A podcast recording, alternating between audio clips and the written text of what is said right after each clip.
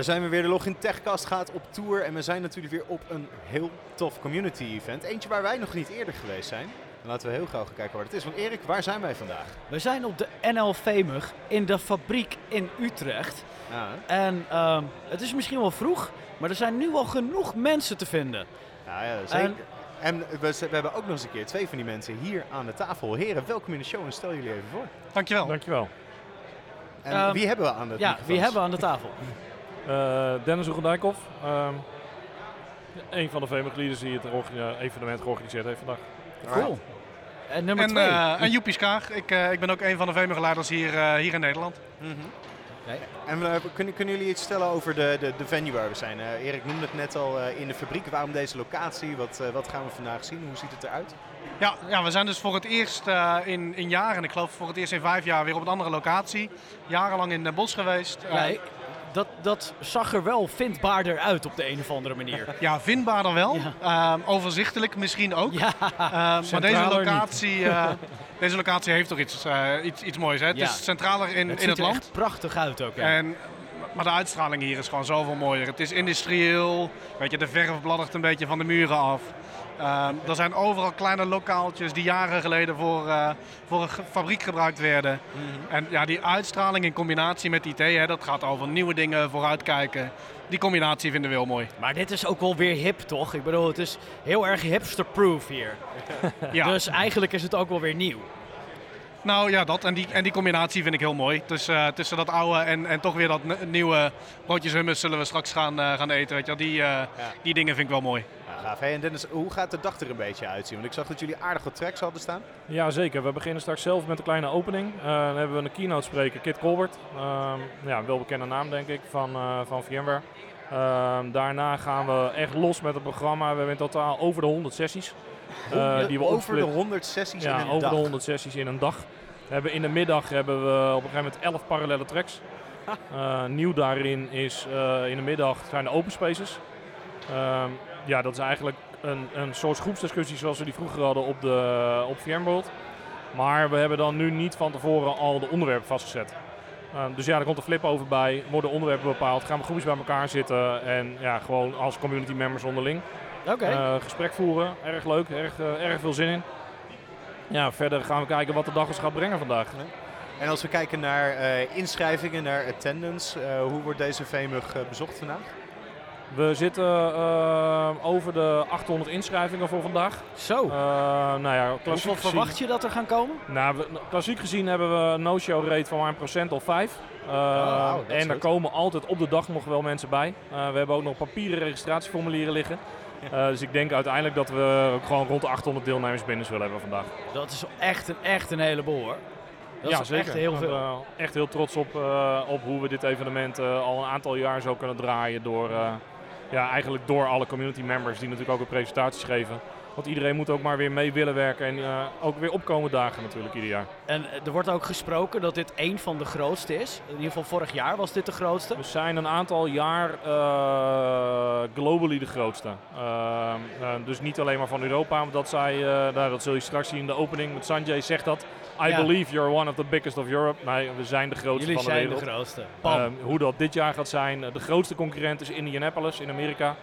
Eh, ja, dat is niet helemaal eerlijk. Wij doen het als land en zij doen het per staat of zelfs per, per plaats. Ja. Maar goed. ja, ehm, maar ons land is niet zo groot als een Nee, staat. precies. toch? dat is, eh, nee. En ook qua V-Experts is het trouwens wel leuk dat we eh, daarin als derde eh, wereldwijd staan natuurlijk als Nederland. Dat, Ja, dat geeft wel aan hoe het in Nederland leeft en hoe de community werkt. ja, vet. Echt heel vet. Oké, en eh, Joep, wat zijn een beetje jullie verwachtingen voor de, voor de dag? Gaat het, wordt het zo meteen lekker achteruit zitten en kijken hoe mensen genieten van kennis delen? Of is het voor jou een hele dag rennen? Was het maar. Nee joh, had ik, had ik maar die, eh, die luxe. Ehm, kijk, een van de dingen die het voor mij als organisator ook leuk maakt, is om hier overal bij te willen zijn. Ik wil alles zien, ik wil iedereen spreken. Ehm, dus mijn dag gaat eh, als een kip zonder kop rondrennen zijn. Ehm, ik, eh, ik ben ook bang dat mijn voeten helemaal stuk zijn straks. 10.000 stappen dag is dit. Eh, meer, meer. 10.000 stappen en misschien één of twee biertjes daarna. Ah, Oké. Oké. Dus dat zit er wel in. Jullie gaan wel even hup en chill. En dit hebben we mooi gedaan. Ja, absoluut. Ja, kijk, dit, we zijn hier maanden mee bezig. Hè. We, beginnen, we beginnen meestal een maand of drie, vier eh, vooraf beginnen we echt met de voorbereidingen. Dus daar gaan we alles regelen. Dan zitten we elke week in een call. We komen regelmatig samen om een paar dingen te bespreken. Ehm, je hebt natuurlijk heel veel kleine details met de eventorganisatie die we moeten doorspreken. Je agenda moet gebouwd worden, je call papers moet eruit. Je moet gaan nadenken over je signage, je branding. Hoe ga je welke sprekers waar krijgen? Eh, je wil een goede keynote hebben, dus daar moet je ook maanden vooraf mee beginnen. Dus je, ja, je bent hier maanden en maanden mee bezig. Nou, zeker logistiek kan ik me dan wel voorstellen als je meer dan 100 sessies op een enkele dag kwijt moet. Ja. eh. Ja, 113 ziek, hoor. sessies zeg ik uit mijn hoofd. Probeer dat maar logistiek voor elkaar te krijgen. Ja, ik Je ga moet, het niet proberen. je moet beginnen met een call for papers. Ja. En dan moet je gaan, gaan nadenken, dan moet je gaan kiezen. We moeten ook tegen heel veel mensen nee zeggen. Dat wil je ook niet al te vervelend doen, dus daar zit ook weer tijd in. Ja, je, blijft, je, blijft, je bent hier echt, echt lang mee bezig. Nee, maar ik, ik denk ook, je, je kijkt zeg maar, oké, dit is de venue, daar kunnen we dit in kwijt. Eh, en je probeert ook een gemêleerde, eh, gemêleerd aanbod ervan te maken. En je probeert het het publiek zeg maar, zo breed mogelijk te kunnen aanbieden. En iedereen ja, zo goed mogelijke dag eigenlijk te kunnen bieden. Dus ja, nee is, is bijna onmogelijk om niet te kunnen verkopen. Ja, nou dat klopt en, dat, en daar proberen we ook rekening mee te houden in wat we willen. Hè, dus jij zegt, wat, eh, wat je doet op zo'n dag, dat volgt uit de venue. Dit jaar hebben we ook heel bewust die venue aangepast. Omdat we een ander beeld hebben bij hoe zo'n dag moet verlopen. Ehm, eh, een aantal jaar geleden hadden we alleen maar breakout sessies van zeg 40, 45 minuten. Eh, wat we nu heel graag willen is heel veel kleine sessies. Zodat we mensen een beetje warm maken voor een onderwerp. 20 minuten kennisoverdracht, één of twee punten maken in zo'n presentatie. En voor meer info ga je maar googlen. Je weet nu, de presentator die weet daar iets van. Die kun je vinden online. Leg dat contact maar. Ja, ze, Dus ze ik wil een hele mooie meer- website natuurlijk ook hè, bij VMware waar je dat op kan zoeken. Dus Nou ja, en social media Ja. en blogs. En dat is, weet je, dat, eh, eh, die dag is steeds minder echt voor kennisdeling. Maar veel meer voor het leggen van de verbinding. En daar moet je een gesprek over voeren. Daarom wil ik die presentaties hebben. Maar die presentaties die hoeven niet meer alle kennis over een bepaald onderwerp te bevatten. maar We hoeven niet meer een volledige, dit is hoe je vSphere installeert, Exact. laten Nee, we alle schermen door. maar ben je dan niet Nee. heel bang dat het een soort van sales pitch wordt of een marketingpraatje? Nou, maar daar zit een groot verschil in de sessies eh, die door, de, eh, door VMware georganiseerd worden. Dat zijn ook vaak nog wel breakout van 40 minuten. Dat ze dan het over een product willen hebben of over een oplossing en daar dan ook wel wat verder op in willen kunnen gaan. Dus Ja. daar hebben we dan de breakouts voor van 40 minuten. Het zijn vooral de eh, community sessies die we in de Lightning Talks plaatsen. En ehm, een community member staat hier eh, over het algemeen eh, zonder een commercieel belang. Die vindt Ja. het gewoon leuk om zijn kennis te Ja, delen. je krijgt de energie Ja. van. En dat is het, omdat we die community zo belangrijk vinden. Dat is ook een van de redenen dat we het eind van de dag bijvoorbeeld vandaag afsluiten. Om eh, met alle sprekers eh, en met deelnemers die dat willen, eh, gewoon te gaan karten. We hebben straks gewoon voor 160 man plek om te gaan karten. Ja, hoeveel Ja. community wil je het maken door zoiets toe te voegen aan zo'n dag? Ja, heel gaaf, heel gaaf. Geweldig. En nog één laatste ding. Wat is hetgene waar jullie het meeste naar uitkijken vandaag? Wat wordt het allerleukste? Als het klaar is. Dat, het eerste dat biertje sowieso. om 5 uur. Nee, eh, ik denk, eh, ondanks dat die een, een laatste wijziging is geweest, is de, de middagkeynote. Daar, eh, daar zie ik wel naar uit hoe ze machine learning vanuit eh VMware toepassen in hun producten. En eh, dat, dat lijkt me wel een mooi verhaal. Ja, daar, eh, daar sluit ik me bij aan. Maar toch wil ik ook, ehm, ook de, de open spaces nogmaals benoemen. Ik, ik denk dat dat concept eh, ontzettend goed gaat zijn en ontzettend goed gaat passen bij wat we willen uitstralen als community, wie we zijn als, als VMware. Eh, interactie, zelf discussies op gang brengen, elkaar vinden daarin. En ook na de VMUG, na vandaag, die link weten te leggen met elkaar. Zodat je verder kan praten over dingen. Daar kijk ik het meest naar uit. Ja, Right. Oké, Nou, cool. wij- wij, gaan het, eh, wij gaan het zien. Wij gaan nu de vloer op mensen voor de microfoon trekken. hey, hartelijk dank. Leuk Ja, dat we hier mogen zijn. vandaag. Top. Ik heb een, eh, een heel belangrijk persoon eh, op de vloer weten te strekken om achter onze microfoon iets in te willen spreken. Een heel belangrijk persoon. Ja, voor jou straks vooral. Zeer zeker, maar daarover ooit meer. Ja. Ehm, wil je jezelf even voorstellen? Oh ja, natuurlijk. Eh, ja, Francisco. Eh, ik ben eh, in 2001 ITQ begonnen. Mhm. ITQ is een professional service organisatie. Voornamelijk gefocust op eh VMware-technologie. Doen ook wel AWS en eh, wat Pivotal. En eh, vandaag de dag ben ik eindverantwoordelijk voor eh, commercie en marketing. En eh, ik noem dat liever zelf klantsucces. Ja, precies. Maar, maar waarvoor, waarvoor ben je hier? Wat brengt jou naar de NLV-mug? Wat mij naar de NLV-brug brengt. Nou, ik ben sowieso super geïnteresseerd in technologie natuurlijk. Maar daarnaast ben ik echt wel een community mens. Altijd al geweest, vroeger al. Mhm. En eh, vind ik ja, los van de dingen die ik hoor, maar ik hoor natuurlijk al heel veel van VMware. Ik zit ook in die councils en uh, daar vind ik het ook super, uh, super gaaf om iedereen weer te spreken. Um, ja, en hele mooie nieuwe dingen te beleven. Ja, want ITQ specialiseert op VMware, dat is jullie hoofdmoot, uh, om het zo maar te zeggen. Hoe belangrijk is dat om zeg maar echt een focus erop te hebben in plaats van alle vendoren te willen ondersteunen? Nou ja, wat ik al zei, we zijn in 2001 begonnen. ik was toen 24 en ik dacht, weet je wat wij doen? We gaan gewoon goede consultants aannemen en daar gaan we heel veel in investeren. Ja, dat ging natuurlijk wel een tijdje goed, maar op een gegeven moment dacht ik, ja, we doen van alles, maar wat doen we nu eigenlijk? Je was nergens echt goed in. Ja, precies dat. En mensen hadden ook geen, konden ook niet met elkaar sparren en zo over onderwerpen. Mhm. En ik, als je wou investeren in een onderzoek of iets, ja, altijd waren er ideeën. En toen ergens in 2012, 13 dacht ik, ja, dat moeten we anders gaan doen. En uh, ik wou ook ergens trots op kunnen zijn. En dus, uh, ja, ik, ik eigenlijk Work, deed het natuurlijk met mijn compagnon Paul Geerlings en het hele team. Zeiden tegen elkaar, nou, kunnen we nou niet technologie zoeken die onze klanten echt verder helpen. Hè? En ik zal geen pitch voor VMware nu houden, maar wij geloven echt in die visie. Ja. Maar laten we dan als doel hebben de beste worden in Europa. Ja. Op professional services. Dat verkopen van licenties vinden we stom. Dat hardware vinden we niks aan. Wij worden gewoon de beste consultancyclub. Dat was 2014, 15 het idee. En wat je nu merkt is inderdaad, wat we zo gefocust zijn, dat je ja, heel veel kennis opbouwt, communities om je heen creëert. En, ja. Ja. en, en hoe, hoe support VMware in, het, in deze visie? Want je, je hebt één portfolio. Um, ik neem aan dat ze dit ontzettend waarderen dat uh, jullie eigenlijk het volledige portfolio bij jullie klanten willen neerzetten. En er ook nog eens de kennis van in huis hebben. Ja. ja. Dus in, in hoeverre um, krijgen jullie die medewerking, die vrijheid of extra's vanuit VMware? Nou, laat ik daar maar heel eerlijk over zijn. VMware is natuurlijk voor ons ook een fantastische partner. Dus wij hebben heel veel commitment aan hun getoond. Hè? Mhm. Maar zij hebben minimaal net zoveel commitment aan ons getoond. Nou, Carl Eschenbach, heel veel mensen weten niet meer wie dat is, maar dat was de CEO voor Pat Kelsinger.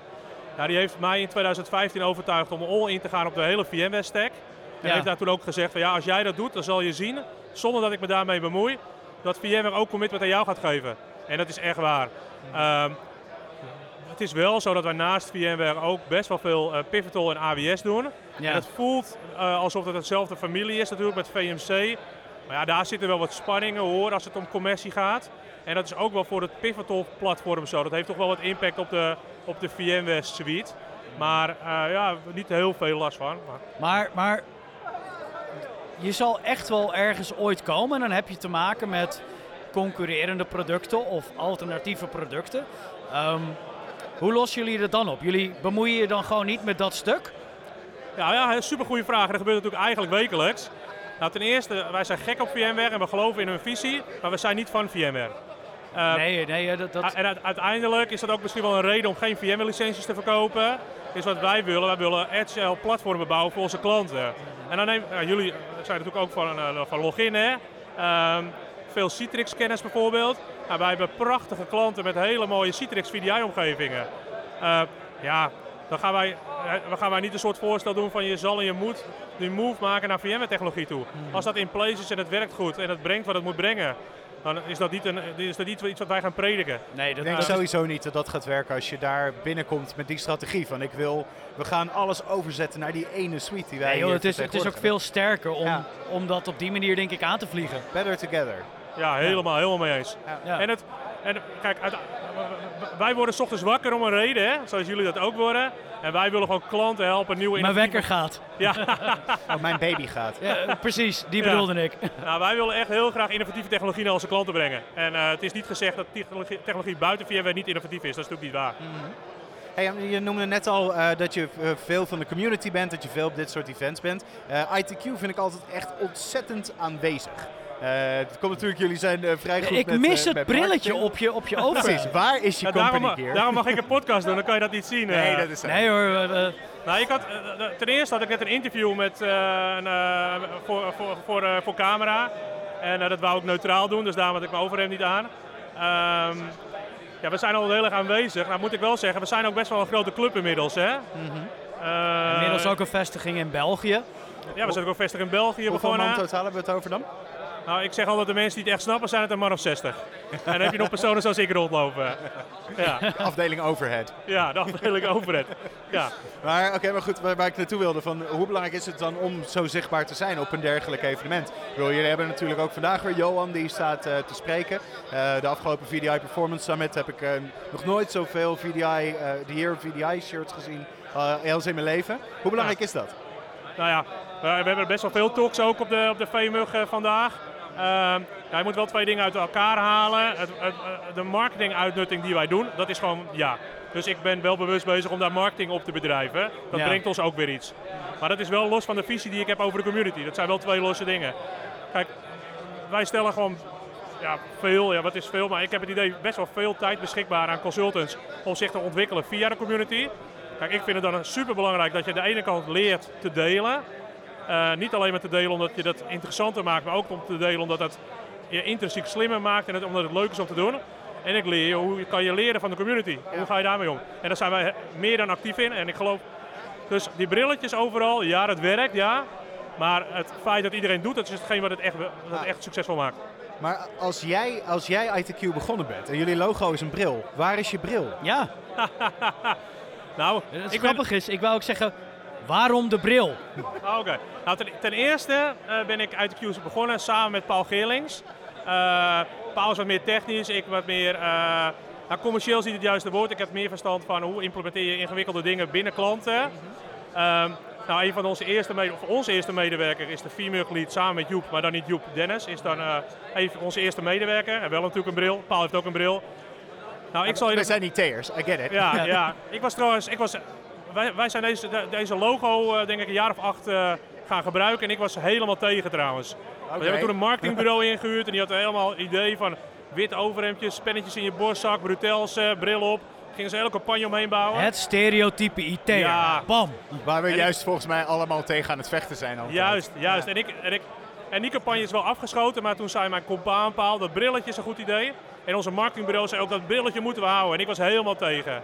Maar zo blijkt wel, ik heb vaak ongelijk. Want het brilletje is een mega succes. Ja. En het idee achter het brilletje is, omdat hij ook een beetje modern is, is dat wij zijn natuurlijk wel een beetje... Is het brilletje echt modern of is het zeg maar echt iets wat weer terugkomt? Want ik vind het echt zo'n Ray-Ban-achtige eh, grote... Nee, eh, hoe heet zo'n ding? Ehm, Een aviator bedoel je. nee, nee, nee, nee, Wat nee. Zeg maar die... eh, ja, die- ik snap wel wat je bedoelt. Hij is echt zo'n groot, Ja. lomp ding. Welkom bij de Login Brilcast. ja, juist. Nee, nee. Nou, maar de reden dat we... Hij is natuurlijk gedesigned om eh, te kunnen te publishen.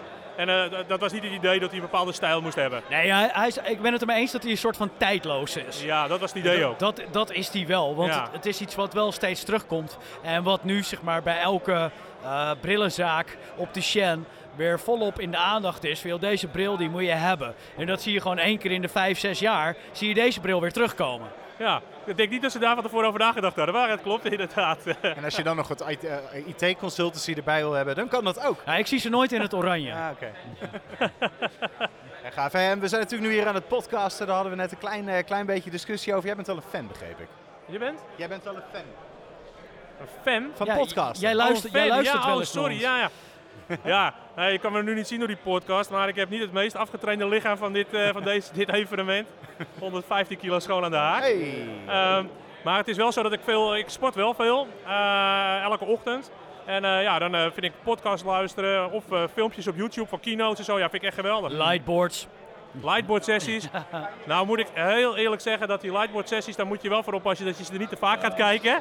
Ja. Ehm, ik vind het wel onwijs gaaf als ik weer iets beter wil snappen, want Ja. iedereen bij ons is natuurlijk veel slimmer dan mij. Dus je geeft aan, ik geef mijn medewerkers echt de tijd om dit soort dingen te ontwikkelen, hieraan te participeren. Ik kan me voorstellen dat eh, Johan best wel wat tijd moet steken voor alleen, alleen al in het editen van een stuk video. Ja, Ehm, ja. hoe, hoe ga je daarmee om? Doet hij dat veelal in zijn eigen tijd? Krijgt hij Nee, daar nee, nee, compensatie voor? Ja, ja dat, is gewoon, dat is gewoon werk. Eh, nou moet ik wel zeggen dat Johan is erbij, nou, hij is niet per se buitencategorie, want ik denk dat wij heel veel mensen in de buitencategorie hebben werken. Maar hij is wel iemand die ook heel veel privé-tijd stopt in, eh, in, in ITQ. Eh, maar ook in zijn eh, visie en zijn gelo eh, geloof, hè, waar, waar hij graag mee bezig is. Eh, maar je krijgt daar bij ons gewoon ruimte voor. Dan laat ik je meteen maar een geheimje vertellen. Als je rijk wil worden, hè, dan moet je niet een professional service bedrijf beginnen. Dan moet je vooral wel licenties en hardware gaan doen en managed services. En dat is allemaal dingen die wij niet doen, die vinden we ook stom. We verdienen wel een leuke boterham. Maar ik denk dat we toch wel over zo'n 160 tot 200 uur per consultant per jaar praten in, Mhm. in een vorm van studie, eh, ontwikkeling, delen. En maar dan hebben we ook heel veel jongens, hè. ik kwam net Pascal tegen, nou, die is ook heel fanatiek altijd met blogs maken. Nou, ik kan al die namen wel opnoemen. Er zijn ook heel veel jongens die heel veel in hun eigen tijd nog doen. Mhm. Eh, maar ze krijgen ook wel gewoon ruimte. Ja, maar die ruimte ervoor is belangrijk, want uiteindelijk ben je wel ook weer het merk aan het uitdragen eh, van ITQ. Ja, maar dat niet alleen. Je kan als bedrijf zijn ook het visitekaartje naar buiten hangen. Yo, ik heb een Johan van Amersfoort. eh, heb ik, in, ik heb een Martin Kous, heb ik in dienst. En daarmee naar buiten toe propageren. Van, joh, kijk, eh, wij hebben de, eh, Dennis, de organisator van de NLV-mug, die werkt ook gewoon bij ons. Nou, dat Dus- is, dit, is heel- dit is helemaal niet, dat is helemaal geen discussie. Daar hebben jullie helemaal gelijk in. Dit brengt ons natuurlijk ook superveel. Eh en eh, wij, wij, wij zijn ook echt aan het werken eh, met een club om, die, om, om een naam te bouwen voor de komende 20, 25 jaar. Ik krijg natuurlijk wel van collega's wel eens de vraag van, eh, ga je die hut nog verkopen of wat is het idee hè? Maar daar zijn wij helemaal niet mee bezig. En dat is, wij zijn, ik denk zelfs dat wij heel slecht zijn om te kopen, want wat koop je dan? Je koopt een, bunch of nerds Ja. eh, die hun werk prachtig vinden. Hey, be careful what you say. You might be working for one someday. Oh ja. Een kennispartij. Hmm. Alright, hey, dan dank ik je ontzettend voor je tijd. En eh, nog een hele fijne veemug. ja, super. Ja, onwijs, leuk, onwijs, leuk om je te spreken Ja. ook. eh. Nou, en eh, ja, gefeliciteerd met je baan, hè, Sander, je nieuwe job. Dus we gaan nog eens veel tegenkomen. nou, wij gaan elkaar ook vast nog wel veel zien. Ongetwijfeld. Dankjewel man. Hoi. Oké, hoi. Alright, we hebben rondgekeken en we hebben niet één, maar twee sprekers gevonden. Heren, welkom in de show en stel je even voor. Ja, Hans, begin jij maar. Nou, dat is goed. Mijn naam is Hans Kraaienveld. Ik ben Business Mobility Consultant bij Fondo. En ik hou me daar eigenlijk bezig met alles wat te maken heeft met de digital workspace van VMware. Ja, en ik ben Wouter Kursten. Ik ben consultant bij Anylink. Ik doe van alles met Horizon. En eh, laatst hebben jullie me al gehoord iets over Nutanix en User Group. Ja, dat moet je hier niet te hard roepen. Jawel, ik doe dat gewoon. Ja. We zijn allemaal liefde en we worden Daarom. samen beter met Ik, ik had ook een mooie sticker hier ontvangen met Run eh, SDDC. SDDC. Ja. Heel mooi. Jullie, jullie geven samen een sessie, had ik begrepen. Ja, dat klopt. Eh, sterker nog, hebben we vanochtend al gedaan. Oh! Oké. Hij is al geweest. Nou, dan zijn we klaar. Oké, Dus jullie kunnen aan het bier. Show. Ja, eigenlijk wel. En vertel, waar ging die over? Ehm, over verschillende tools en flinks die je kan gebruiken om een Horizon 4 omgeving te beheren. De OSOL tool. Nee, die hebben we er niet in gedaan. Waarom? Die moet iedereen al kennen. Nee, eigenlijk wel, maar eh, toch blijkt keer op keer als je dat aan klanten of aan mensen vertelt dat ze weer oh, eh, meteen beginnen te schrijven en wat is de URL en waar kan ik het vandaan halen. Hij kreeg een eervolle vermelding. Heel goed, heel goed. Juist. Ja, en we hadden goed publiek dit keer, want we hebben inderdaad wel de vraag gesteld van, goh, kennen jullie de OSOL tool? Alle handjes gingen omhoog. Ik Ja. denk dat ik er eentje heb gezien die zijn handje niet opstaat. ja, maar die doet niks met View, dus. Dat, dat heb je ook gepeild?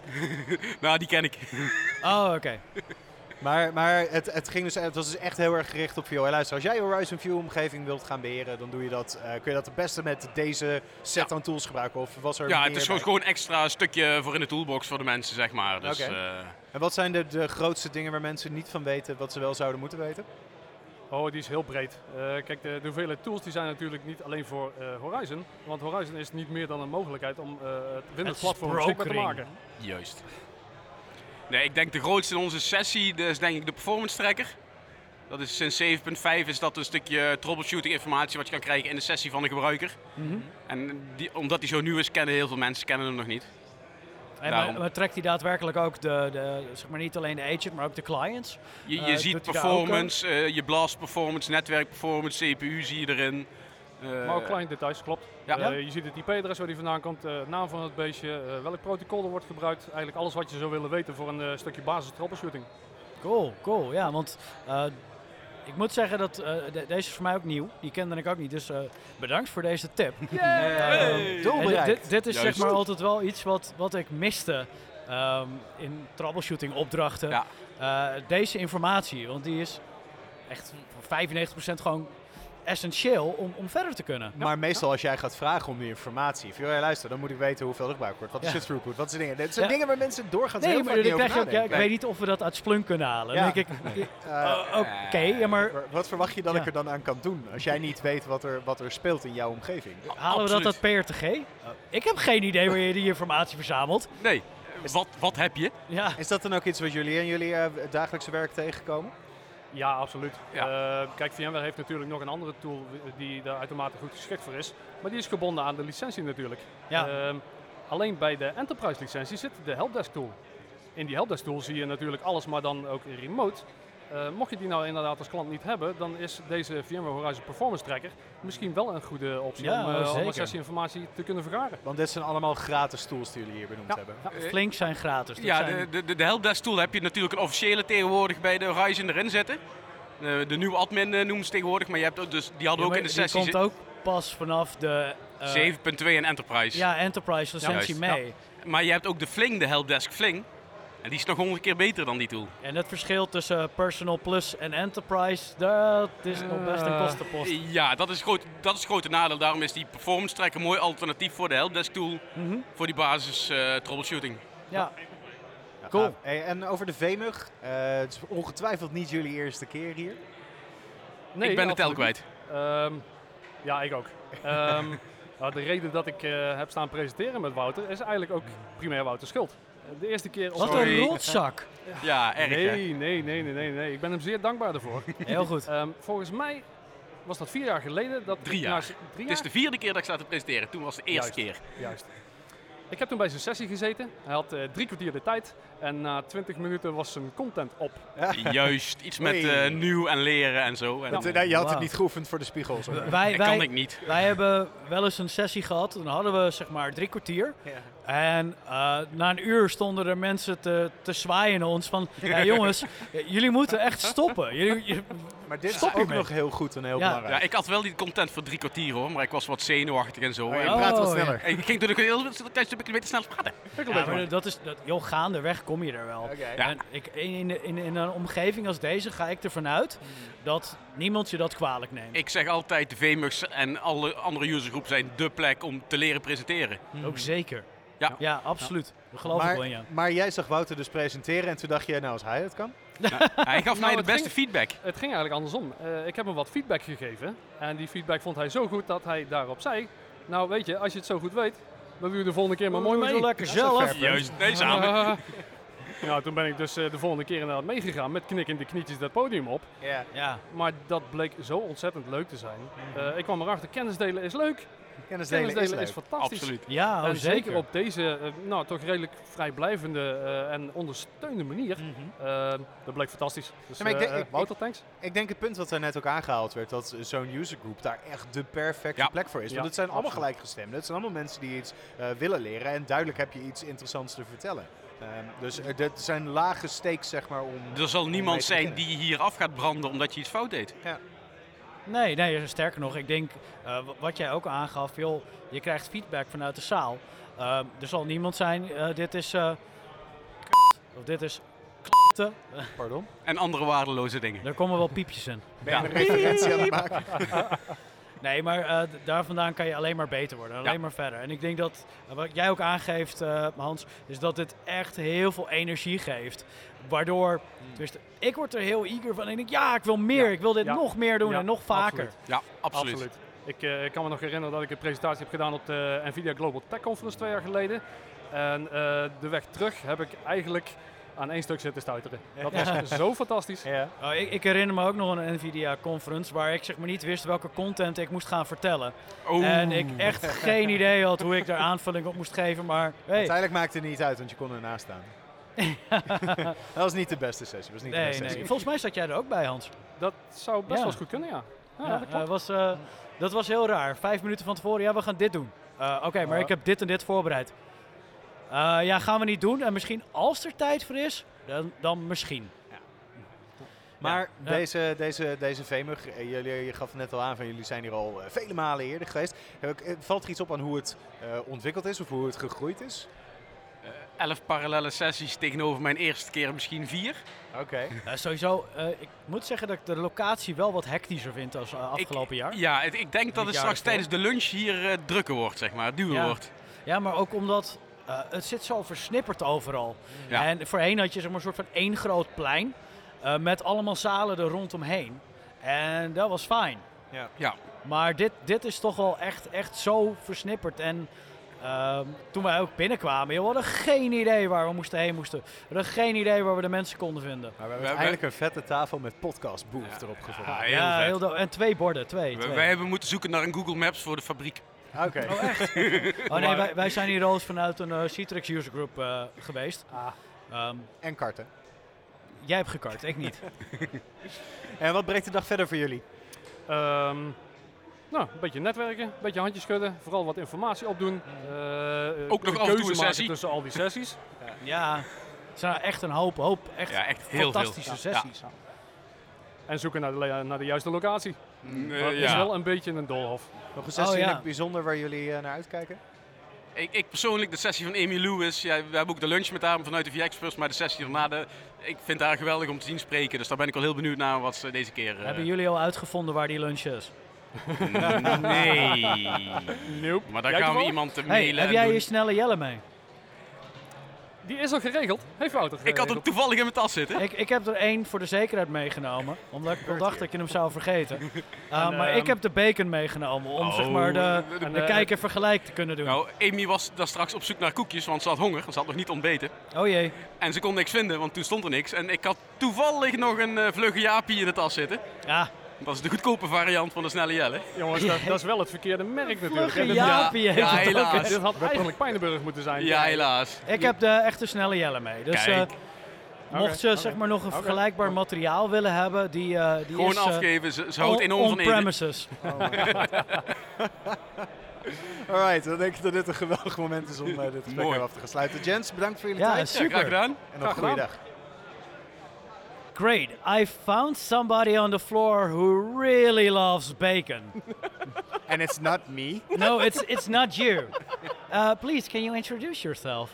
Hi, my name is Amy Lewis, otherwise known as Comms Ninja on the Twitters, and I can't touch the microphone because my hands are covered in bacon grease. This, this must be the best gift you've ever had. You know? Podcasting with bacon, Yeah. I just did the happy dance. Yeah, that's, that, that's the best part about not being video. You can actually eat while you're away from the microphone. Yeah, forgive me for these crunching sounds you're going to hear in the next few minutes. But we made you, so it's it's Yeah, pretty much true. our fault. Oh my it. God, amazing. Bacon to go. Yeah. Is there Yeah. any innovation the Dutch don't have? Um, I don't know. None I can think of. So, so food is kind of a big thing for you then. I'm pretty food motivated. Yeah. Food and football. Yeah. Pretty much every tweet she does is about food. Which is why I have to play football. Ah, to yeah, get rid to stay. Yeah. I- okay. Awesome, and you're just fresh off the stage. Uh, you had a, you had a session. What was that about? Um, so I've got a couple things going on today. We're going to talk about the uh, the V experts talking about how to communicate, um, which I'm doing a great job here of, obviously. Uh-huh, obviously, Yeah. yeah. At least it's enthusiastic. Yeah. Yes, en- Yeah. enthusiastic. If not in Dutch, but enthusiastic. um, and also talking about clouds in your career because I think every time we have a massive innovation in our industry, and maybe people are saying, "Oh, cloud." eh, How is that an innovation? It's been coming, et cetera. But there's a disruption for people's career paths. So I always like to engage people and say, what are you going to do differently, right? As our industry evolves, how are you evolving? How are you um, giving yourself what I call go- job insurance? Yeah. So not just security, but insurance, and we'll talk about the differences in those things. So spoiler alert. So ours is pretty much eating baking, talk, talk a lot. Um, yeah, that's probably it. yeah, that, that's our job insurance. Yeah. No, but but what, what you're saying is, is a great point because uh, it, it, IT is constantly evolving, and we've, we've, we've talked many a time that we, we run into these these system engineers that we they they're happy at what they're doing. They just want to do what they're doing, and everything that's new is is a threat to them. And I've, I've had the conversation many a time that uh, Yeah. you should you should look into that because th- that way you can automate or uh, get rid of the stuff that's not interesting, and you've got more to Do time the fun stuff. to do the Yeah. fun stuff. Well, it's like being on the escalator, right? You Yeah. can you can want to be still, but eventually it's going to drop you off. Yeah. So Uh-huh. you better keep moving. Um, and that's for me is how Yeah. our careers are. So even stasis and Uh-huh. what we do has to be innovation. Yeah. To stay still, you have to move. To stay still, you have to move. Whoa, that, that that's a big one. Deep thoughts here. I have to let. Uh, have some more bacon. yeah.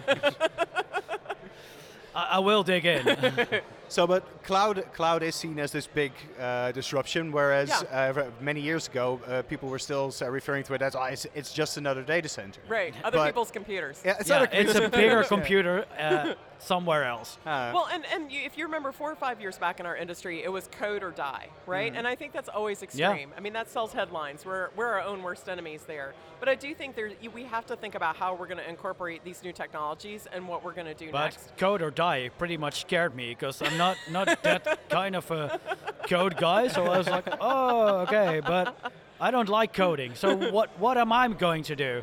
Right, and I think there's so many opportunities, but it's a matter of like, do you have your head up? And, and I really did like what you're saying. I think all of us, in some ways, want to keep doing what we're doing if we're in a good space. Sometimes people go after something new because Yeah. they want a promotion, or maybe Yeah. they don't have a, a, a great boss or teammate, or they just want to get paid more. Like, uh, but even if you're really happy with all of those things, like what can you be doing to be more valuable to, to your company and to distinguish yourselves? And Yeah. that's that's what I listen for in the industry, and that's what we're going to talk about. I've, I've had so many colleagues that uh, had to go through uh, through your year evaluation, and then at the start of the year you have to say, well, what, what do you want to do? What kind of courses do you want to follow? And there, many of them were just, oh well, I'll just do this because it's. But no, The no. What do company you want to do? yeah. What Right. What do you want to do? What will make you special? And that's so important. It's- And it's it's kind of a cool thing at, at VMware. We have a goals system, right? Mm-hmm. And you can do personal goals and professional goals, and it's amazing. We hire such hard-charging people, and they're so bad about putting a million professional goals and zero personal goals. I'm like, no, we're done here. Like But- every single person has to do something for themselves. Yeah, but pretty much, uh, my opinion, pretty much everything I do in my work life is a personal goal because Yeah. I want it to be done that way. yes, Uh, and I don't want to wait until December to um, talk about my goals for next year. No, Yeah. I want them to do to, to be now and to go with it. No, I, I agree, and I think it's something we all have to check in with ourselves. Sort of the distinction I always try to make is it, maybe we feel like we're being selfish or egocentric if we say we want to do this for ourselves. But if you're a happy employee and if you're an engaged employee and Yep. you're a curious employee, you're a better employee. It, everybody That wins. is so true. Uh, I think that that's a thing most companies uh, tend to forget uh, when they talk to their employee. It, one of uh, I always like to to mention his names. One of the godfathers of virtual networking, right? Martin Casado. A conversation we had way back when kind of introduced me to the concept of happiness. And I'm I'm listening to a podcast now called the Happiness Project, which is a lot of fun. It it's a gives you ideas of ways to bring more happiness into your life. And I it's a- awesome. There's Yeah. a documentary, right, about on Netflix, the Happy Project of the Uh, there- Happy. There's a it maybe Yeah. there she's got a book. There's a podcast. Um, I'm working on my own this year because it sort of asks you to set those goals and those Yeah. constant reminders, and not in a selfish way, but in a what if we had less friction? And that's Uh-huh. what we do as technologists, right? Is we try to remove kind of the daily irritations.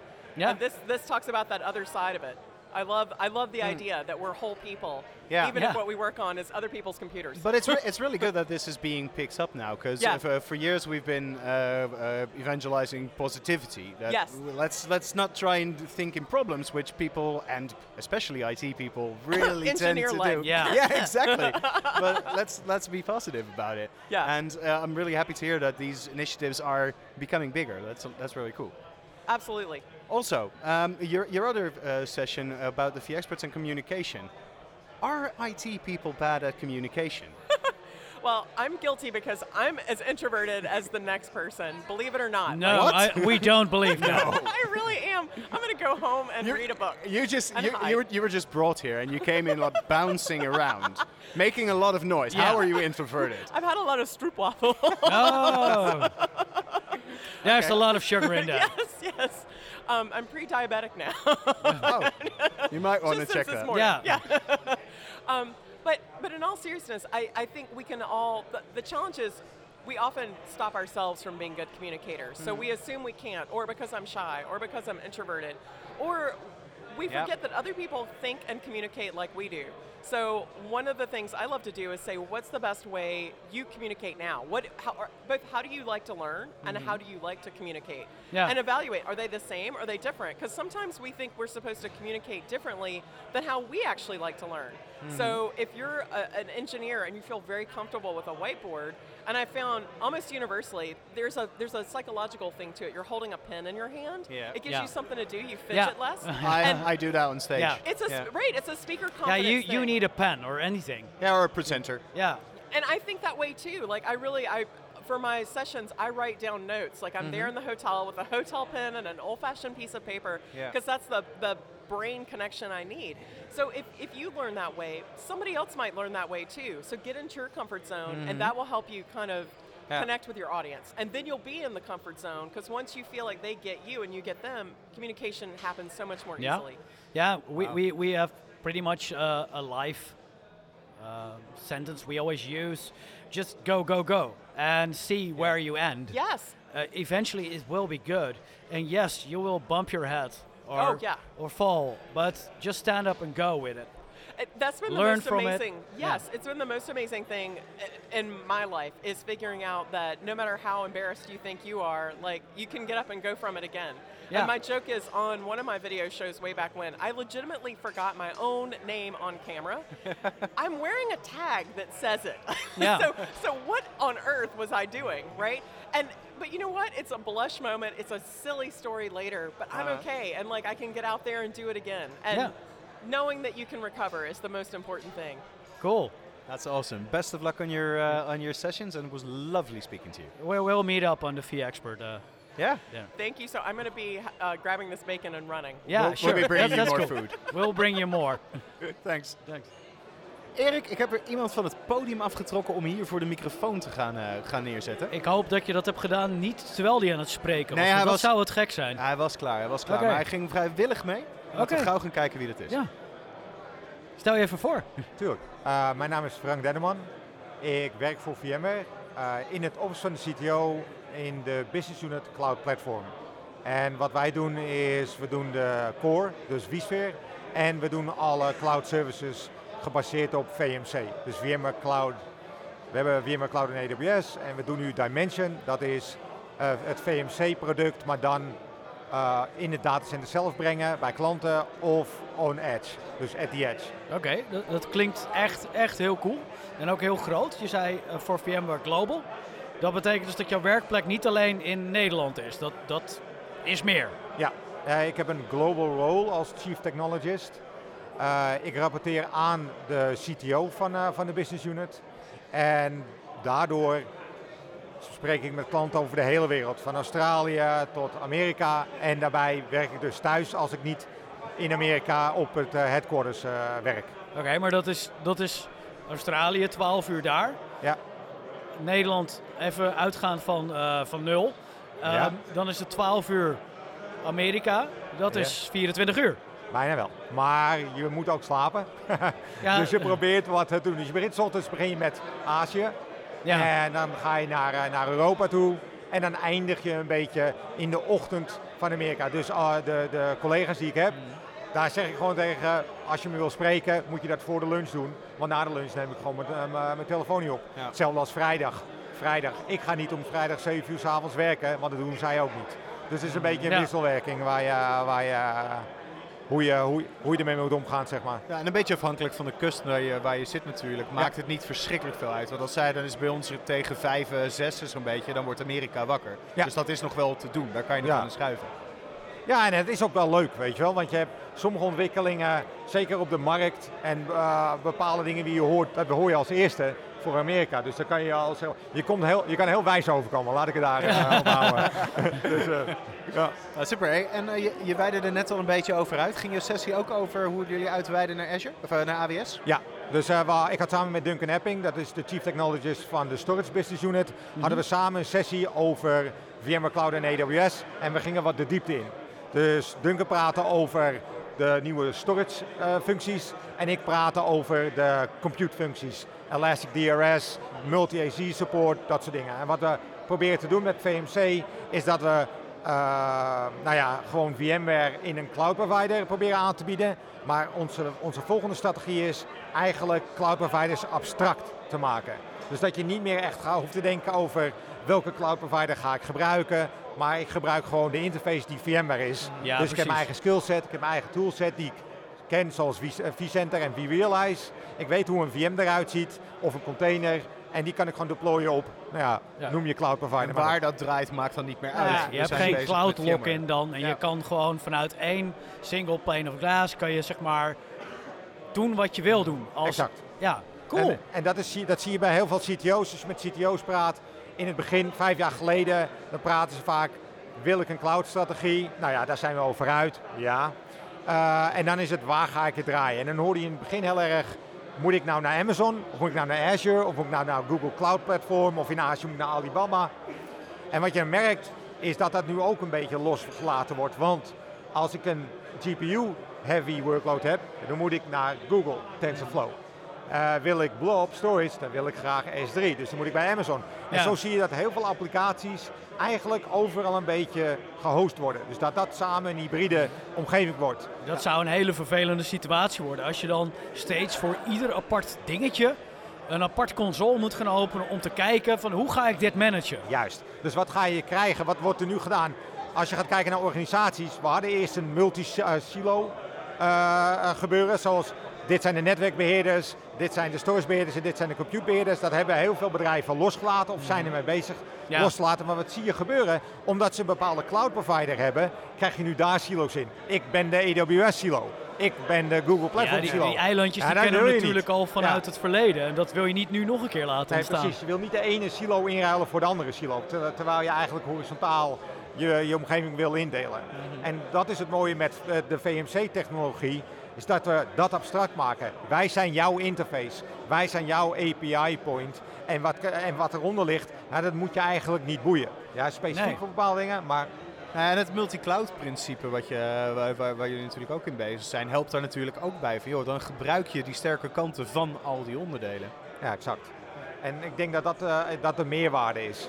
Dat je wel de specifieke elementen gebruikt, maar dat je beheersorganisatie en de manier waarop je zeg maar schaalt, dat dat een uniforme eh, eh, ja, laag, eh, laag is, interface laag is. Ja, Alright. zeker.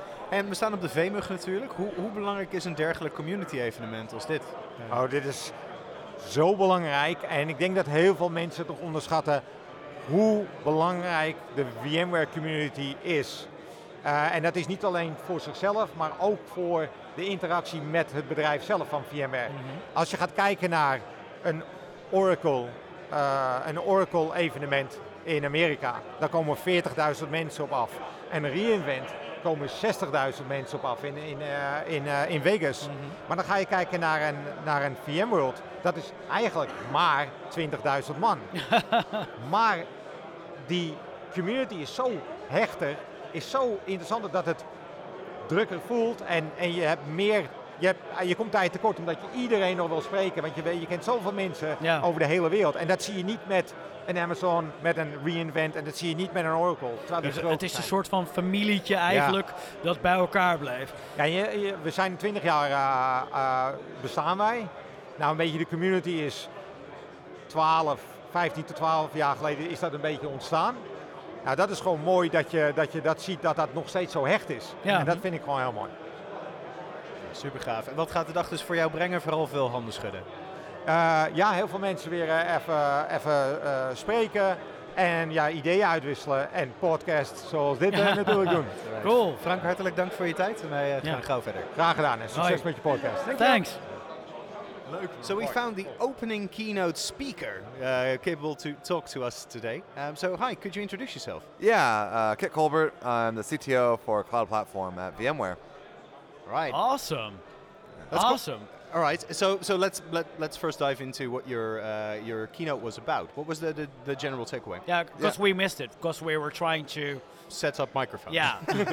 Sorry about that. no, it's fine. Yeah, so it was an interesting talk. Um, a little bit different than what I traditionally do, in that most of my talks are very product focused, and this thing covered a little bit of the, of the products, things like VMware Cloud and AWS, or Project Dimension. Um, but the real meat of the talk was around how VMware is transforming into a SaaS company. You know, traditionally we've been a software company. We've delivered software bits to customers who then have to operate um, that software themselves. Yeah. And really, what we're doing here with things like VMware Cloud on AWS and eventually Project Dimension is that you know VMware is operating that software for our customers. And so there's a tremendous, tremendous amount of technology we've had to build out internally, tremendous amount of changes that we're doing in terms of how our engineers work day to day and sort of the, their roles and responsibilities. So it's been a pretty huge internal transformational change for, for our company. Okay, but this is for the whole company, and this is really the the right VMware is boarding on Yeah. at the moment. Yeah, I mean, you know, our CEO, Pat Gelsinger, has a pretty clear mandate for us that we've got to drive an increasing amount of our revenue as uh, service revenue rather than software um, perpetual license revenue. Yeah. And so it's absolutely a complete company shift. I mean, there's things that are happening on the engineering side. We're, you know, we're, again, the roles, responsibilities are evolving. We're spinning up new engineering teams, like site reliability engineering teams.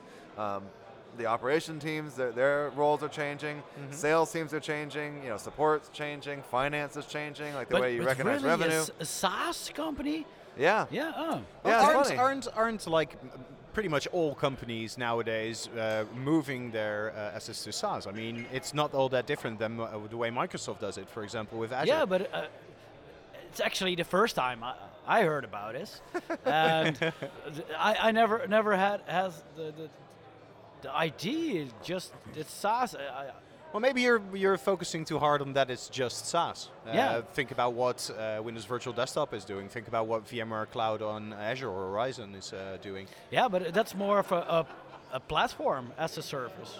Uh, Is there a difference? Well, yeah, I mean, in, in, well, okay. I'm using the term software as a service pretty generally. Yes, I mean, I think you have these classifications of services. Some are infrastructure services, some are platform services, PaaSes, some are just, you know, applications. Or is it a service as a service? That'd be SaaS too.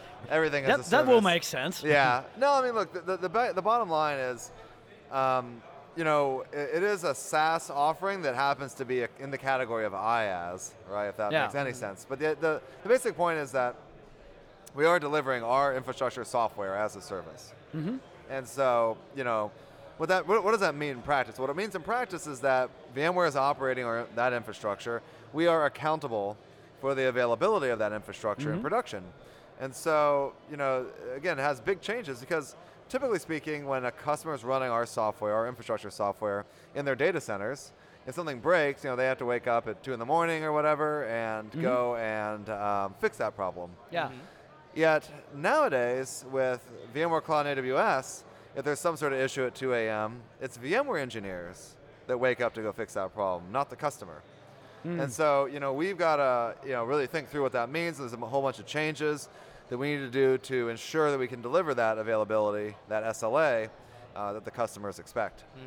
Is it, is it something that um, uh, uh, most IT professionals are actually looking for? Is it more that the uh, the end user, the end customer, is Well, I think s- excited about? That's a great question. I think some customers definitely are looking for it. Other customers um, not looking or haven't thought about it yet, Yeah. right? But I think the thing I said uh, during the keynote actually is that no customer differentiates themselves by how well they run VMware infrastructure. You know what I mean? I mean, think about it, No, right? no. Uh, I mean, I, have like- never heard about that one. You can you can do it you can do it really poorly and negatively differentiate yourself but it's like you your success as a business is not predicated on how well you run our software your success as a business is predicated on you know the services that you provide Yeah, to your your core, customers your core right? business and how to enable And- them to do that. exactly and we're an enabler of that Yeah. um, and so like our thinking is like, hey, let's, you know, we've traditionally given companies this software they go operationalize and build on top of and all that. But they spend a lot of time operationalizing our software. So the idea here is like, hey, let's take care of that mm-hmm. for our customers, giving them more time, more energy and thinking to, to spend on what actually differentiates them as a business.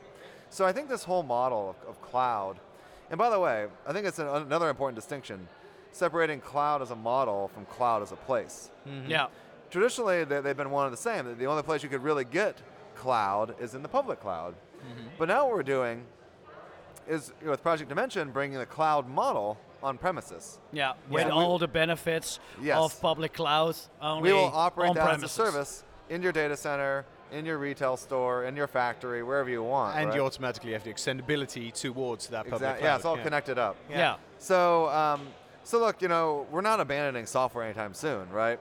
The other point I made though is that even if um, our service business were to stay, you know, were to be like really small, uh, let's say, which it's not, it's growing very rapidly, but let's say it was, that would still benefit our software because when we're delivering our, our software as a service, we get feedback on it quicker, we can fix bugs faster, um, you know, the features can be better because we can iterate much quicker, getting customer feedback. So um, the software we, we continue to produce will be higher quality because of that. Yeah, and your the the software that is around will be uh, in its product lifetime cycle will be higher because you you'll be managing that. You'll uh, be patching uh, your software way faster than uh, on premises would be Yes. at a customer Oh, side. Yeah, no, absolutely. So that means we Less get, and support, so, and the, and the less thing is that like, maintenance. yeah, but but both the software, you know, bits we give out to customers as well as our service, it's the same underlying code base. So all Yeah. the improvements we make in the service go to the software, right? So Mm-hmm. we release to the service uh, every three months, like at, for major releases, do Mm-hmm. m- minor releases monthly or maybe every few weeks. While as you know, our on-prem releases have been uh, more infrequent, right? They've been like yearly type releases. So basically, you know, we do four releases, let's say per year for the cloud. We bundle up all those changes and release that on-prem. And so the on-prem gets all the great stuff we've been doing in the cloud. Hmm. It's better tested. It's better targeted in terms of feature accuracy, so on and so forth. Yeah. So, you know, just to be very clear, like we want to give customers a choice. Some customers will love and prefer to operate their own software just like they've been doing yeah, and for a there's still like like a bias of security and cloud. yeah, so, yeah, a little bit. I mean, look, I think it's yeah. I mean, I think there's different reasons people want to do these things. So we can support people doing software. We can support people doing service, and Yeah. uh, really, it's trying to give people the, the, those options. Are a co- OPEX company or a CAPEX company? yeah, there Yeah. is those. Yeah, there's financial and yeah. How do you figure out those sorts of considerations as well? So Cool. So what's the biggest misconception about uh, cloud services at the moment, oh, or you run into or have experienced? biggest misconception. I don't know. I think. Um, you know, I think there's definitely a lot of worry around control with those things, mm-hmm. right? And that people have a way of doing things, uh, the way they operationalize their environments. Yeah. And when you go to a cloud service, you don't really get those, choices anymore, right? It's the, it's the supplier, the, the service mm-hmm. provider, mm-hmm. who makes all those decisions now exact, about exactly how things are operationalized. Yeah. Who owns my data? Yeah, well, so then that's the next question about the data and so forth. And so, you know, it's not so much a misconception, I guess, but it's a concern. And so, again, that's the thing that, you know, we're talking about here. It's like, we can deliver you a service on-prem so the data stays in your environment, Yeah. right? Yeah. And that, that's like one big misconception. People think, oh, with Dimension, it's like you guys, all the data's flowing up to the public cloud. We're like, no, no, no, the data stays on-prem. We have some metadata, like some logs and mm-hmm. monitoring and, you know, other sorts of things that we collect to operate that, that infrastructure. But your workload data never leave, doesn't have to leave uh, your on-premises environment if you don't want it to. It's a choice. So it's, it's a choice, y- exactly. Actually, it's it's choice as a service. SaaS? Uh, it- it's a fun conversation I like to have with uh, with people that um, are, are preparing to make this move or feel threatened by uh, having to make this move because management has heard that the cloud is the new big thing. That's where they need to invest. Yep. Uh, but then I always ask them, well, is trying to manage all those tiny systems that really don't matter to what you're actually trying to achieve, is that really all that fun? Yeah. Or, or should you, what ties into what you just said earlier, well, should you be focusing on what you should be doing instead of all these menial things that don't really do anything? Yeah, I mean, I think it's like uh, there's an evolution at play here, right? I mean, if you think about, look at the history, um, you know, before virtualization came along, there's a tremendous amount of like manual tasks people had to do to Yep. manage physical infrastructure. It was a real pain. We need to Right. build bigger computers. Yeah, I mean, we, well, yeah, I mean, like, you know, we provide these basic virtualization capabilities, which allows you to automate and so and so forth. And so that kind of fo- allow people to focus higher up the stack, you know. And what we're doing here with the services, uh, to your, to your point, is it's very similar, right? Like, we look at a lot of customers today, let's say in the retail space, and they may have a few thousand retail stores. Now, each of those retail stores will have a little bit of vSphere in them, right? But once you have vSphere out there, because they need that for like to have apps locally to run the stores, to run the cash registers, to do whatever you know, inventory and pricing, et cetera, mm-hmm. et cetera. Now the, the problem is once you have those servers out there, you need to patch them, you need to maintain them, you need to secure them, and so this is a big challenge for customers. Like you know, we have yeah, one, of- and, one of our still is.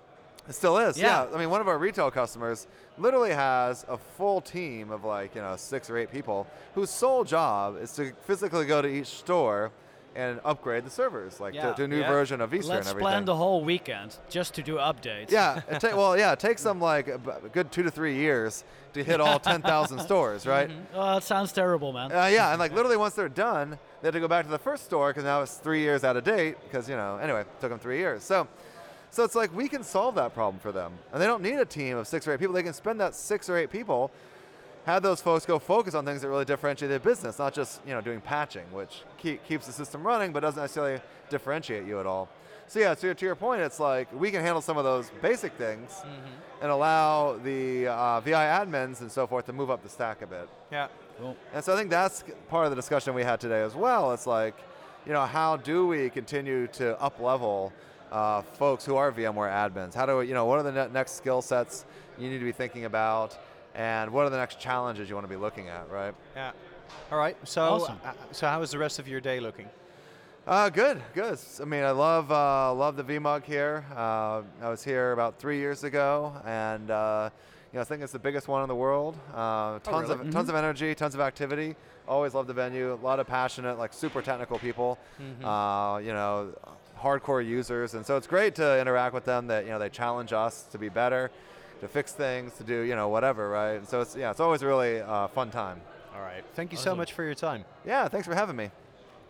So I searched the floor and I found someone who already organized a user group before, but only globally. Can you introduce yourself? Sure thing. My name is Brad Tompkins, and I'm the executive director for VMUG. Cool. Yes. For VMUG as an entity, so not so Yeah. much VMware, the actual user groups. That's right. So VMUG is an independent organization. Obviously, we're tightly aligned with VMware, but we are an independent, separate organization. A lot of people think we're part of VMware. Yeah. Who which, love uh, to talk about. It also doesn't help that it says VMware on your badge. No. Well, true. Yeah, little typo there, but that's all right. We get that all the time. okay, cool. All right. So, so VMware user groups are a worldwide thing. How does this Dutch user group uh, compare?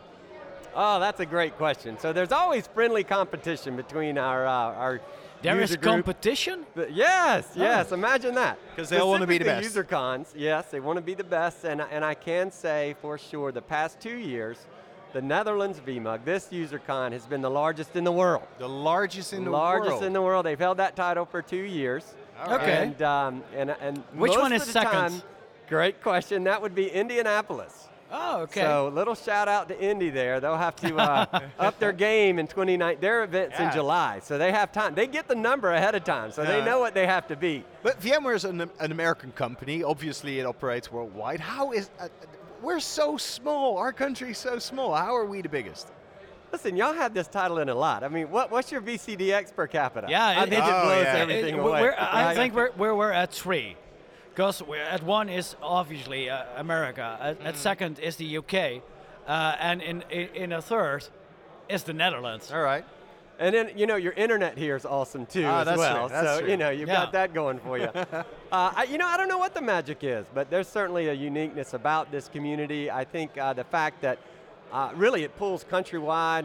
The, the infrastructure here, not only the internet, but just you know hopping on the trains to get here. Mm-hmm. People are just you know they're willing to travel, uh, so it's it's great and it's it's awesome to be here and just to see the the community you know, be the community. Mm-hmm. And the sessions that are here, the community sessions that are here are fantastic as well. So Yeah. a lot of good things going on. And how is it for you to be on uh, the biggest FEMUG?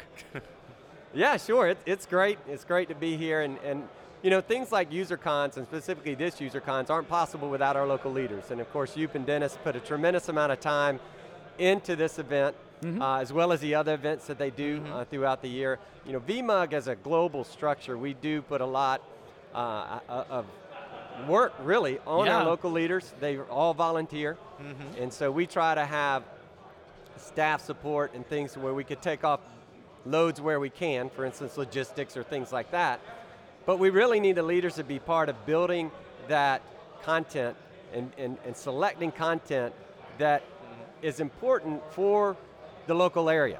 So what might be a hot topic here in the Netherlands That might not be the same thing in Indianapolis or in Kansas City Yeah. or in Toronto or in Australia, you know, wherever it may be. So that's why VMware now has, has gone so many different directions. They're such a huge company. Mm-hmm. I tell our leaders all the time, we're not the vSphere user group, we're the VMware user group. Yeah. So we need to talk about Everything. today about Kubernetes, we talk about uh, EUC, NSX, vSAN, et cetera, et cetera. Uh, y- you also had a big event like a month ago for all the VMUG leaders, right? Yes, Yeah. yes, we did. And so, so all the leaders come to one place. And how does that differ from this event? Okay, so it's a it's a very different event. So that was the leader summit that you're Yeah. speaking of, and VMware hosted that and in Palo Alto. So we brought all globally all the leaders uh, together. Not all of them, but we invited them. Most so of them. all the ones that could come together uh, at this event, and we had uh, sessions. So it's not. We did have keynotes and we had breakout sessions, but the sessions were about how do you be a better VMUG leader? Mm-hmm. How do you build out content for UserCon? How do you get your members to speak at a local event? It's just What to some of the new share more experience and how to do better. Exactly. Cool. Exactly. Now we also had content about um, you know VMware and, and new things that are Mm-hmm. Of coming course, out. of course. But one thing that was different about this year that I really liked, in the past we might pay somebody, hey, you know, let's give a topic on this, and, and we'll pay a, a, a professional speaker outside of VMUG to come talk. Yeah. Well, this year our board of directors, they're predominantly volunteers as well. I was like, you know what? We've got great presenters in the VMUG circuit. Let's just have them talk about, say, public speaking. Yeah. So, for example, we had Chris McCain talk about public speaking, and he can he's really engaging in an audience and those kind of things. So here we had Chris McCain, double VC deck, super technical, up there talking to other VMUG leaders about public speaking tips. Yeah. Nothing to do about technical. That's But it really resonates because they're like, I've seen him before. I know what he does. I'm mm-hmm. hearing him talk about how to do this, and I've seen him do it. Yeah. Now I can go do it. Yeah. Very powerful. Awesome. So if we look at this worldwide, is the VMA concept is that the same everywhere, or do you see big differences in, uh, for, instance, for instance, the one in Indianapolis compared to this?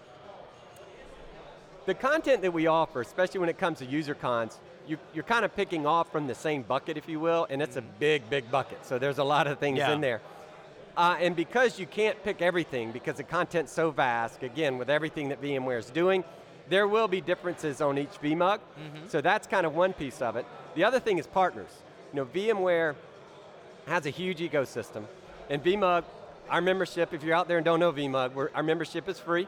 Go to mm-hmm. vmug.com slash join to join. And our membership can be end users, it can be partners, and it can be VMware. Yeah. It takes all of us to deliver our mission of how do we maximize our members' investment in VMware and partner solutions. So the other part that can be different is partners, because not part, not all partners are at all user cons. So mm-hmm. that's going to be a slight variation. And then the third thing that might be a little different is a community session. So it might be somebody local that's going to speak at this event, Yeah. talking about what they're doing, or we might fly somebody that does a local event in one part of the world to come do one in a different part of the world. Mm-hmm. We actually started setting away funds for that specific reason. So the community content can be different as well. Y- you so al- when it all boils up, if you if you look at it, you'll see a lot of differences. But if you just come in and don't really research it, it's going to kind of look and feel the same. But there's definitely some differences. Yeah, there. But there's strength in that as well. That it's there's you want unity in these things. that's right. Yeah, but a slight difference because of cultural differences uh, would be not more than normal. Yep. Uh, but you also see a lot of sessions back on the VM worlds, which you see they have tried out before on a, a user c- con, and it's kind of a a feel to get uh, on a call for papers to VMworld, right? That's right. That's right. So we, we have a call for papers. Obviously, VMworld has a call for papers, and if you if you don't get selected at VMworld, definitely put one in for VMUG. Uh, and like you said, some of those VMUG sessions have grown into to um, VMworld sessions, which is nice. So it's uh, it's a great way to get involved. Everybody has a story. Get up and tell your story at a VMUG. Uh, Alan Renoff a couple years ago tweeted as he walked off the stage of VMworld when he was on stage with Pat Gelsinger saying, if you're ever thinking about presenting at a VMUG, that's how I got started and I just walked off the stage Yeah. at Yeah. VMworld. so Really that's, cool. I Yeah, but mean, I can't ac- say it any better than that. But the, the thing of actually doing it and not just thinking about it uh, that would you would like to do it. No, take active actions of trying to get there, and these are perfect stepping stones. because it's a community, so you're not going to be burned off when it's uh, That's not right. that great, or you make a make a tiny error. It's a great great way to get uh, get some more visibility. That's cool. Yeah, absolutely. And it's and again, anybody has got that story. Everybody, even if you're talking about installing vSphere for the 15th time, it doesn't matter. That's going to resonate. A lot of our members have home labs that can power most of the small businesses in the world, I feel like. but uh, so they, they use these home labs and they do these tests and then they can talk about it. So They're even like- if your company is not doing that technology, go do it on your own. You can use programs like VMUG Advantage to get those licenses to use in a home lab. It's a 365 day license in VMUG Advantage, that kind of thing. And so do that and then share it at a UserCon, share it at a local event, podcast about it, write about it, blog about it, however you get it out Yeah. there, and then let me know and we'll help promote it and we'll help amplify it. Oh, cool. Yeah, it's, it's, it's like fee geeks who are really enthusiastic about the portfolio that VMware is. is, is That's it. Yeah. Uh, That's it. All right. So one last thing. What's the coolest thing we don't know about user groups or VMware user groups? Wow, the coolest thing you don't know. Well, I don't know if you don't know this or not, but I do think that people underestimate how much time and hours it takes to put an event like this on. So Mm. user Oh, yeah. cons, all user cons are one day event. And so, you know, you got a keynote, you got two or three meals in there, you've months got services. preparation. But yeah. think about a VM world. That's like a five-day event. I mean, that's that's mind-blowing. So hats off to all the event people out there that make this happen. And and VMUG has a team of them, and it's funny we, we hire them, and they're they're event specialists. They're not necessarily technology geeks, you know, as as we are. But uh, it's fun. They jump in and do a great job for us. So I, I would say the amount of work it puts on to make something like this happen. All Awesome, right. Brad. Thank you so much for Yeah, talking Thank to you us. for your Thank time. you for having me. Always a pleasure. Look forward to seeing you all in the future. Yeah. yeah thanks. cool. Thank you. All right, cheers. Ik eh, heb een oude bekende gevonden hier op de vloer. Daar zijn we ooit eh, mee gestart. En eh, zoals voor ons gaat dat eh, ook de laatste worden in onze show. Dus zou je jezelf even voor willen stellen aan het publiek dat je eigenlijk al kent? Ja, ja mannen, eh, Johan van Amersfoort, eh, VMware fanboy en eh, denk ik eh, vriend van de show van de eerste, van de eerste Vanaf moment. de eerste moment. Alpha en Omega Ja. ben je. cool. Maar ehm, je hebt hier een sessie gehad. Ja, ja. Eh, VDI eh, by Night of eh, VDI by Day. Compute by Compute Night. by Night. Ja, het was de, eigenlijk de première van, van deze sessie. Eh, klinkt, klinkt luxe of, of klinkt mooi, Ja. maar ik heb deze sessie nu voor het eerst tijdens dit evenement gepresenteerd. Niet als een soort van try-out, want hij is al een aantal keren ehm, eh, qua voorbereiding al, al gepresenteerd. Maar nu echt voor het eerst op een groot evenement. Ja, Hut zat vol. Ehm, verhaal liep lekker. Ehm, Lekker. wat- ja, ja, liep goed. Eh, Wat- de- wat houdt het- top. Wat houdt het in? Misschien moeten we daar Ja. even mee beginnen. Nou, ik, eh, ik, ik werk bij een klant, eh, of ik heb gewerkt op een project. En de, het doel van het project was van, joh, we hebben een platform. We hebben, we, hebben, nee, we hebben een platform nodig en we hebben verschillende soorten use cases die we willen laten landen op het platform. ja. HPC use cases, researchers, normale gebruikers. En het eerste wat ik dacht van ja, vet, we gaan één heel groot VDI-platform bouwen. Maar daar kun je geen high-performance computing workloads op draaien. Dus Nee. ja, het idee wat, eh, wat er ontstond is dat als wij overdag eh, virtuele desktops draaien en s s'nachts dat hele platform wat vol zit met GPU's voor die normale desktops Gewoon bitcoins minen. gaan misbruiken om crypto te minen. Dat dus- is ook echt de toepassing. We gaan ja, ja, crypto in mijn minen. slides komt ook een cryptomunt, een nieuwe cryptomunt komt voorbij, de Beardcoin. Ah. Eh, ja, eh, ja, weet je, crypto minen, dat, eh, dat klonk wel heel eh, aantrekkelijk. Helaas hebben we ervoor gekozen om, om HPC-workloads dan s'nachts te draaien. Ja. En, ehm, eh, Maar dat kunnen ook, ook AI-patterns zijn. ja, ja, zeker. Ja. Ja. Ja, ja, zeker. Het is over het algemeen eigenlijk deep learning. Ja. dus ehm, eh, objectherkenning en het herkennen en het labelen van data. Mhm. Ehm, voor een, zonder de klant te noemen, een eh, grote organisatie die met heel veel, heel veel data eh, te maken heeft. Ja. Want die, veel, heb- eh, die, die klant plaatjes. heeft al die systemen in place. ja, Ga door. Sorry? Nee, ik heb het tegen hem. Oké. Ah, Oké. Sorry man. Deze knippen we wel. Ja, dat is goed. De, begin de- maar, deze klant heeft al. Deze klant heeft dus al die systemen al in place om, eh, om dat soort activiteiten uit te gaan voeren. Maar ze hadden daar twee verschillende workloads voor staan en nu combineer je dat op jouw Ja. VDI-platform. Ja, de klant heeft al heel veel data scientists werken bij de, eh, eh, op kantoor, zeg maar, bij, bij hun in het bedrijf. En die maken nu allemaal gebruik van hun eigen platformen die ze gebruiken voor analyse van data. En dat Mhm. kunnen HPC-clusters zijn, grote HPC-clusters. Maar dat zijn misschien ook machines, eh, gewoon een, een, een, een HP-machine voor onder je bureau met een hoop GPU's erin. En- En, de wens van de klant is eigenlijk om zoveel mogelijk van al die workloads te consolideren op één platform. Maar overdag is het dus een VDI. Ja. Ehm, wat voor workers zitten daar dan op? Want dat, dat zullen niet die data scientists zijn, of dat zijn het wel. Eh, gedeeltelijk. Dus eh, we hebben een assessment voorafgaand aan het project gedaan. En daar bleek dat ne- 95% van eh, de workloads die overdag draaien, zijn normale gebruikers. En zijn research gebruikers, eigenlijk power users. Ja. Ehm, dat betekent dat die HPC workloads is maar een heel klein, of is maar een fractie van de workloads die overdag draaien. Mhm. Echter heeft de klant wel de wens uitgesproken om veel meer HPC workloads te kunnen draaien. Ehm, en wat we, wat Voor we in de toekomst, of? Voor in de toekomst. Ja. En wat we hebben gedaan is eh, het platform gesized op eh 100% per datacenter. Het zijn twee datacenters. Eh, wat betekent lekker. dat elk datacenter maximaal 50% benut wordt tijdens piekuren. Ja. En die andere 50% kunnen we dus volledig eh, utiliseren voor eh, ja, HPC-workloads of, eh, of eh, research workloads of andere, andere type workloads. Maar daar heb je wel wat aanpassingen en wat scripting tegenaan moeten gooien om dit voor elkaar te krijgen. Want als die Ja. kaarten standaard grafisch worden benut en je gaat ze nu compute benutten, dan zal je wat, wat mee moeten doen. Ja, ja er zijn een, we hadden een aantal uitdagingen. De één inderdaad eh, orchestratie, hoe ga je dat doen?